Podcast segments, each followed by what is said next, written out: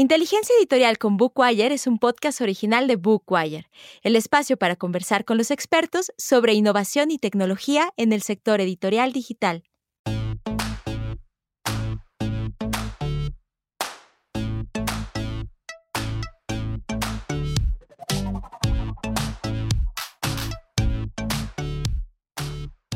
Hola, ¿cómo están? Encantados de que nos acompañen en este último episodio de nuestra primera temporada. Esta vez nos conectamos desde nuestra oficina de Barcelona, donde nos acompaña mi compañero Gerard Altés, Enterprise Manager en Bookwire España, y desde Madrid, donde está nuestro invitado de hoy, al que presentaremos más adelante. Hola Gerard, ¿qué tal? Hola Julia. Hoy es un verdadero placer poder estar en el podcast de Bookwire, sobre todo siendo un tema tan interesante al que abordaremos. Sí, muy interesante, porque como recordarán, a lo largo de los primeros cuatro episodios hemos hecho un recorrido por temas de tecnología en la industria editorial digital, como el blockchain, las NFTs, Creatokia de Bookwire, además de una introducción de dónde se encuentra el medio digital a día de hoy en relación con el mercado de los audiolibros y los libros electrónicos. Sí, y queremos cerrar esta primera temporada respondiendo a una pregunta que hemos escuchado a editores y a otros agentes del medio en las últimas fechas. ¿La tecnología actual puede locutar con pericia? Nos referimos a la síntesis del habla, más conocida como text-to-speech o TTS, que es, en pocas palabras, reproducir y predecir el habla humana artificialmente. Así que este episodio interpela y mucho a los oídos. Eh, como sabéis, no es tampoco una tecnología muy novedosa, en tanto que hace años existen programas de lectura de texto. Pero lo que está revolucionando nuestra industria es la posibilidad de utilizar reproductores artificiales de habla para crear contenidos editoriales, específicamente audiolibros. Así es, se trata de un mercado en desarrollo. De hecho, ya existen varios desarrolladores de text-to-speech, como eh, el Azure de Microsoft, Watson de IBM y el Cloud Text-to-Speech de Google, por poner algunos de los ejemplos más conocidos. Ahora que hablas de Cloud Text-to-Speech de Google, eh, ¿qué tal si escuchamos ahora la opinión de nuestro experto invitado? Ignatius Roberts es Global Partnership de Google para el desarrollo de nuevos negocios de ebooks y audiolibros en España e Italia, así como el, el, responsable del proyecto de digitalización de libros antiguos de Google. Además, tiene más de 10 años de experiencia asesorando a empresas en su estrategia de marketing y desarrollo empresarial. Hola Julia, hola Gerard, muchas gracias por la invitación. A ti es un lujo, de, hecho, tener un, interlocutor de una de las corporaciones que más está haciendo pasos y progresos en el campo de la inteligencia artificial y especialmente en lo que afecta al text-to-speech. De hecho, bueno, eh, para empezar un poco la entrevista, eh, ¿qué te parece eh, si empezamos por aquí? Es cierto, y a la vez todo nos viene a la cabeza un poco, que una, vez, una voz robotizada nos, hace, nos pone en alerta, de algún modo, y la identificamos de inmediato. O eso creíamos hasta la fecha. ¿Qué opinas? ¿Ahora es tan fácil de distinguir entre un software verbalizado de un locutor profesional? Eh, bueno, gracias por la pregunta, Gerard. Quizás eh, pueda empezar un poco eh, para dar, daros un poquito más de contexto ¿no? sobre nuestra decisión de invertir en esta área y ayudar a los editores a crear audiolibros de una forma más sencilla. Google empezó a comercializar como sabéis, audiolibros en nuestra tienda, Google Play Books, hace un par de años. Y desde entonces eh, hemos notado que hay una, eh, existe una enorme eh, disparidad entre el número de ebooks y audiolibros disponibles. hay datos, de hecho, a nivel global que indican que hasta un 95% de los ebooks disponibles no tienen una versión audio correspondiente, lo que supone millones y millones de, de libros. Entonces, al, pensar cómo podríamos contribuir, digamos, para resolver ¿no? esa disparidad, eh, una solución automatizada de text-to-speech fue una elección bastante natural para Google, ya que disponemos, eh, disponíamos ya eh, de una de las mejores tecnologías text-to-speech disponibles. Porque si lo pensamos, muchos de los productos de Google tienen un fuerte componente audio como el asistente virtual, el Google Assistant o Android Auto, por ejemplo, también. Y es precisamente esa nuestra fuerte experiencia en elaborar modelos de aprendizaje automatizado y machine learning para estos tipos de productos que nos ha permitido desarrollar un producto eh, de producción de audiolibros automatizados tan avanzado y que pensamos que realmente es un producto de alta calidad y, pensamos que el mercado está listo para esto. Eh, hay una encuesta de, mm, de, la Asociación de Editores Audio de Estados Unidos que apunta que un 80% de los consumidores están abiertos a probar un audiolibro producido con voz sintética. Entonces creemos que también el momento es propicio, digamos. Muchas gracias. Eh, creo que mm, para entender mejor de qué hablamos, lo mejor que podemos hacer es eh, escuchar una muestra de, este, de este sistema. Sí, sin duda. Eh, hemos, en Google hemos producido algunos, em, algunas muestras de, de, la voz sintética en español que vamos a reproducir para vuestros oyentes. Y, de hecho, bueno, eh, primero es importante eh, subrayar que de momento el producto text-to-speech eh, de Google solo está disponible en el idioma inglés en algunos países. Pero nuestros planes son de expandir esta oferta a otros idiomas y entre los cuales español muy en breve. Por eso ya podemos compartir una muestra de cómo sería esta voz sintética en español. Pues genial, vamos a escuchar ahora un fragmento del libro Hombres y Glorias de América de Enrique Piñeiro, producido con esta tecnología del text-to-speech. La historia política y constitucional de los Estados Unidos de la América del Norte se desenvuelve durante largo periodo en dos direcciones principales. Puede decirse que se concentra en dos problemas capitales, cuyo planteamiento y progresivo desarrollo va rápidamente despertando el más palpitante interés hasta llegar a una solución violenta y definitiva en medio de los horrores de una guerra civil, sangrienta y destructora, como se recuerdan muy pocas otras en los anales de la humanidad. Wow, la verdad es que es impresionante, parece totalmente una voz humana. Eh, Ignatius, ahora después de haber escuchado este, esta muestra, mm, me gustaría poder preguntarte qué relación tiene Google con esta tecnología y hasta qué punto interviene la, inteligencia artificial y si se puede considerar el text-to-speech como parte esencial de lo que es Google. Sí, eh, sin duda. Como decía, Google tiene una eh, larga experiencia con tecnología eh, text-to-speech y, esta tecnología, como decía, hace parte ya de muchos de nuestros productos, más allá de, los audiolibros, si pensamos en el, asistente de voz o Android Auto. Y es precisamente esta eh, experiencia que tiene Google con Machine Learning y, voz sintéticas que nos ha permitido crear un producto de tan alta calidad para la producción automatizada de audiolibros. Muy bien, eh, Ignatius. Y entonces también, eh, ya, ya, lo has hablado antes y en, anterioridad, pero eh, ya hablabas de que el text-to-speech como herramienta también puede, ser, puede de algún modo desbloquear la barrera de entrada que suponía la cuestión quizá más eh, en relación del coste de producción de un audiolibro para muchos editoriales y haría incrementar en mucho el número de títulos disponibles en este, en este formato. ¿Crees que solamente es una cuestión también de, coste o hay alguna cuestión de que incluso con, el, con la herramienta del text-to-speech eh, no solamente a nivel de títulos, sino que pueda llegar a ofrecer diferentes eh, o otras eh, maneras de, disfrutar de un título, de un libro?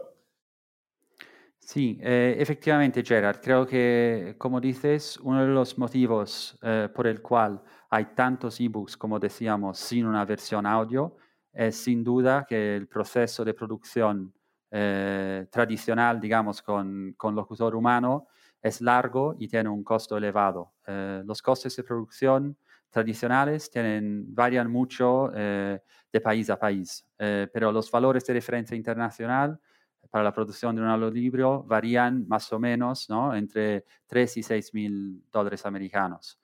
Eh, al ser un proceso casi completamente automatizado, el text-to-speech de Google, os podéis imaginar que el costo de producción es muy, muy reducido con esta tecnología. Em, de hecho, en la primera fase eh, beta del lanzamiento del producto, que de momento solo está disponible en inglés, pero que esperamos ah, expandir a otros idiomas en breve, Google no cobra nada eh, para la producción. Em, por otro lado, también hay un gran ahorro de tiempo. El proceso de conversión de un EPUB eh, audiolibro con text-to-speech de Google, para que os hagáis una idea, es de menos de dos horas. Em, entonces, Claro que después hay un cierto trabajo de revisión y postproducción que hay que hacer, pero comparado con eh, audiolibros tradicionales, el tiempo de producción es, es, muy, muy reducido. Pero hay un, hay un punto, de todas formas, muy importante que quería eh, subrayar, y ese es que el objetivo de ese proyecto eh, no es de ninguna forma reemplazar audiolibros tradicionales con, con hechos con narrador humano. Reconocemos en Google que la voz humana es aún claramente superior para contar historias, para ciertos tipos de, libros, ¿no? Particularmente para, para impartir emoción eh, y para reproducir diálogo, por ejemplo. Eh, nosotros vemos text-to-speech más como una solución, como la solución ideal para aquellos textos que de otra forma no llegarían al formato audio. Y eso lleva un poco a lo que decías, ¿no? que nosotros la gran oportunidad que vemos es de aumentar eh, la oferta de audiolibros disponibles. Eh, totalmente, totalmente. Es eh, muy interesante lo que has comentado también de la, velocidad en que se puede llegar a producir un audiolibro y, también creo que también es muy acertada la reflexión sobre qué tipo de, textos o de contenido es el más idóneo para, herramientas. Quizá la no ficción puede tener un valor quizá más interesante para, empezar en este, este campo. Eh, entiendo, bueno, no sé, ¿cómo te imaginarías ahora mismo que, puede ser el consumo de libros dentro de 10 años para, un usuario. Eh, puede, seguirán formando parte los, tanto el libro digital, el libro en papel, el, audiolibro, eh, cómo se consumirá y quizá habrá más, no sé, eh, un proceso de lectura en el sentido de que pueda migrar de un, de, un, formato a otro en el mismo día para consumir el mismo contenido, el mismo título leerlo en varios formatos diferentes o escucharlo a la vez manteniéndose siempre el punto de lectura donde has dejado? Bueno, mira, Gerard, creo que por lo que yo conozco por lo menos del mundo de la tecnología, eh, no me arriesgo a hacer proyecciones eh, a tan largo plazo como de 10 años. Pero lo que sí que realmente creemos hoy en día es que text-to-speech tiene un, un verdadero potencial para mejorar la oferta de audiolibros en el mercado y de esta forma, digamos, también impulsionar un poco el crecimiento del sector de forma general, ¿no? Porque eh, hay estudios que apuntan, como decía, que los consumidores están abiertos a la posibilidad de eh, escuchar y, comprar incluso eh, libros producidos automáticamente con voz sintética. Entonces, mi mensaje también de cara al futuro también sería uno de, de, ánimo, de animar a los consumidores, por un lado, a, a experimentar y probar estos, este nuevo formato y a los editores de, de, pues de, adentrarse en ese mundo eh, de producción eh, automatizada de audiolibros que puede, digamos, de una cierta forma eh, dinamizar su catálogo de fondo o títulos, como bien decías antes, de, no ficción, biografías, historia o textos académicos, si, si, si, podemos pensar en algunos géneros, que de otras formas, como decía, actualmente nunca llegarían al formato de audiolibros. Y, otro punto también que, nos parece bastante interesante y relevante eh, en este ámbito es em, el potencial de esta tecnología también eh, para un, un, eh, digamos, em, más inclusividad ¿no? en el mundo de la lectura. Si pensamos a la comunidad em, con discapacidad visual o dificultades de aprendizaje, eh, pues Text-to-Speech presenta un potencial enorme para avanzar en esta, en esta área también.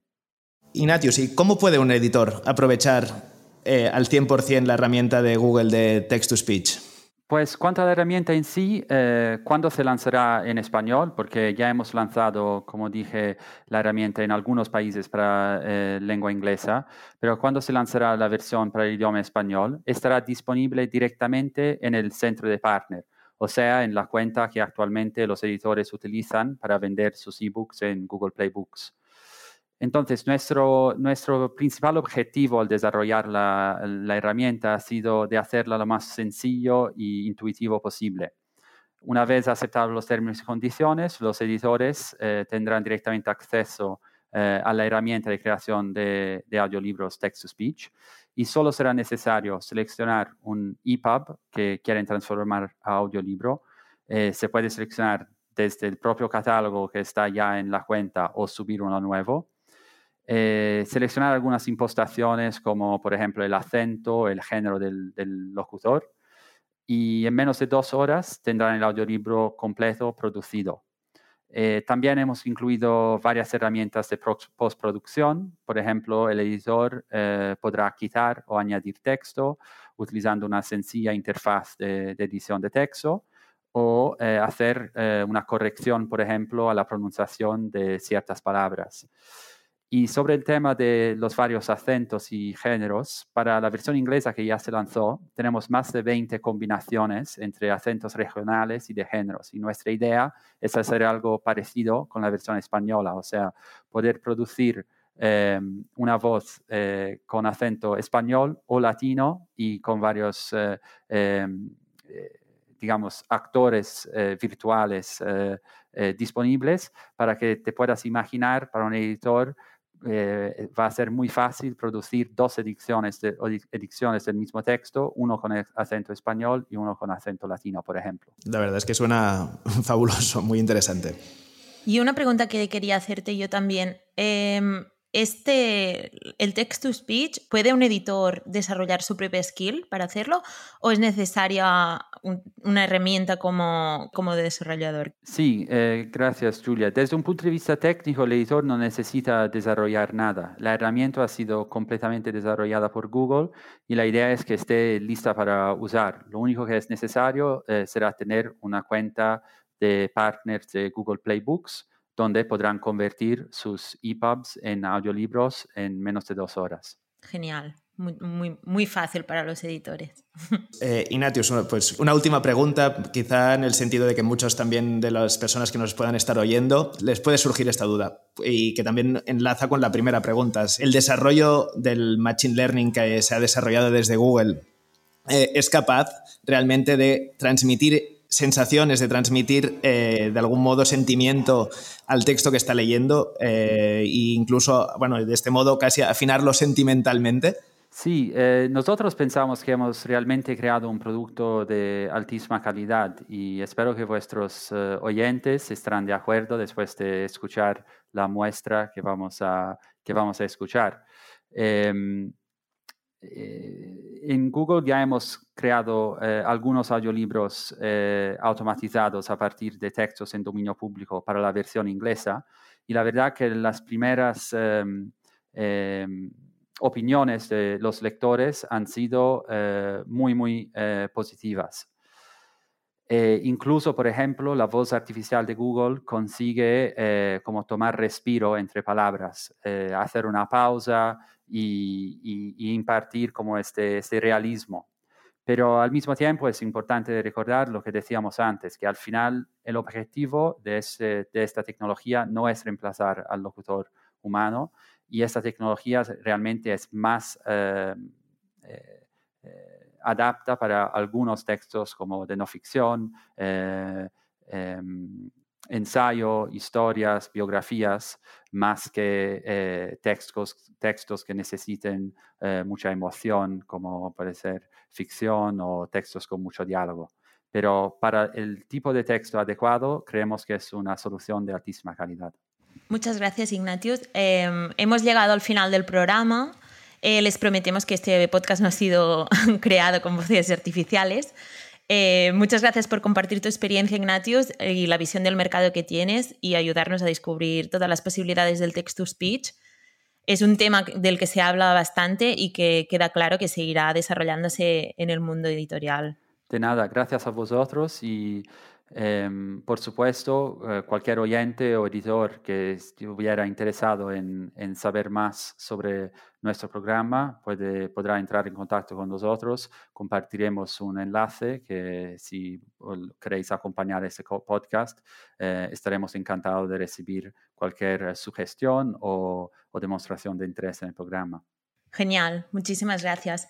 Gerard, eh, ha sido una charla súper interesante con Ignatius. Eh, no sé si tienes algún punto que creas que debemos eh, quedarnos para cerrar el programa.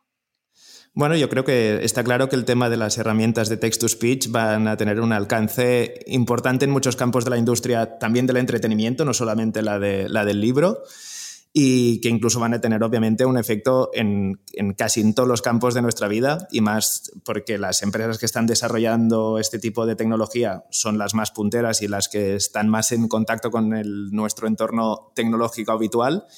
Y, y, bueno, iremos viendo cómo se va expandiendo y en qué modalidades, pero está claro que, que cada vez tendremos más interacción con, con voces guiadas por inteligencia artificial. Sin duda, seguro. Gracias por acompañarnos especialmente en el episodio de hoy y en toda la temporada de inteligencia editorial con Bookwire. Sí, hasta la siguiente temporada con más temas sobre tecnología e innovación en el medio editorial digital. Este es un podcast original de Bookwire producido en Harpa Studio. Inteligencia editorial con Bookwire es el espacio para conversar con los expertos sobre innovación y tecnología en el sector editorial digital. Dirigido por Sebastián Novoa, diseño de audio y mezcla Nico Rojas. Anfitriones de Bookwire, Plada Llorenç i Gerard Altés.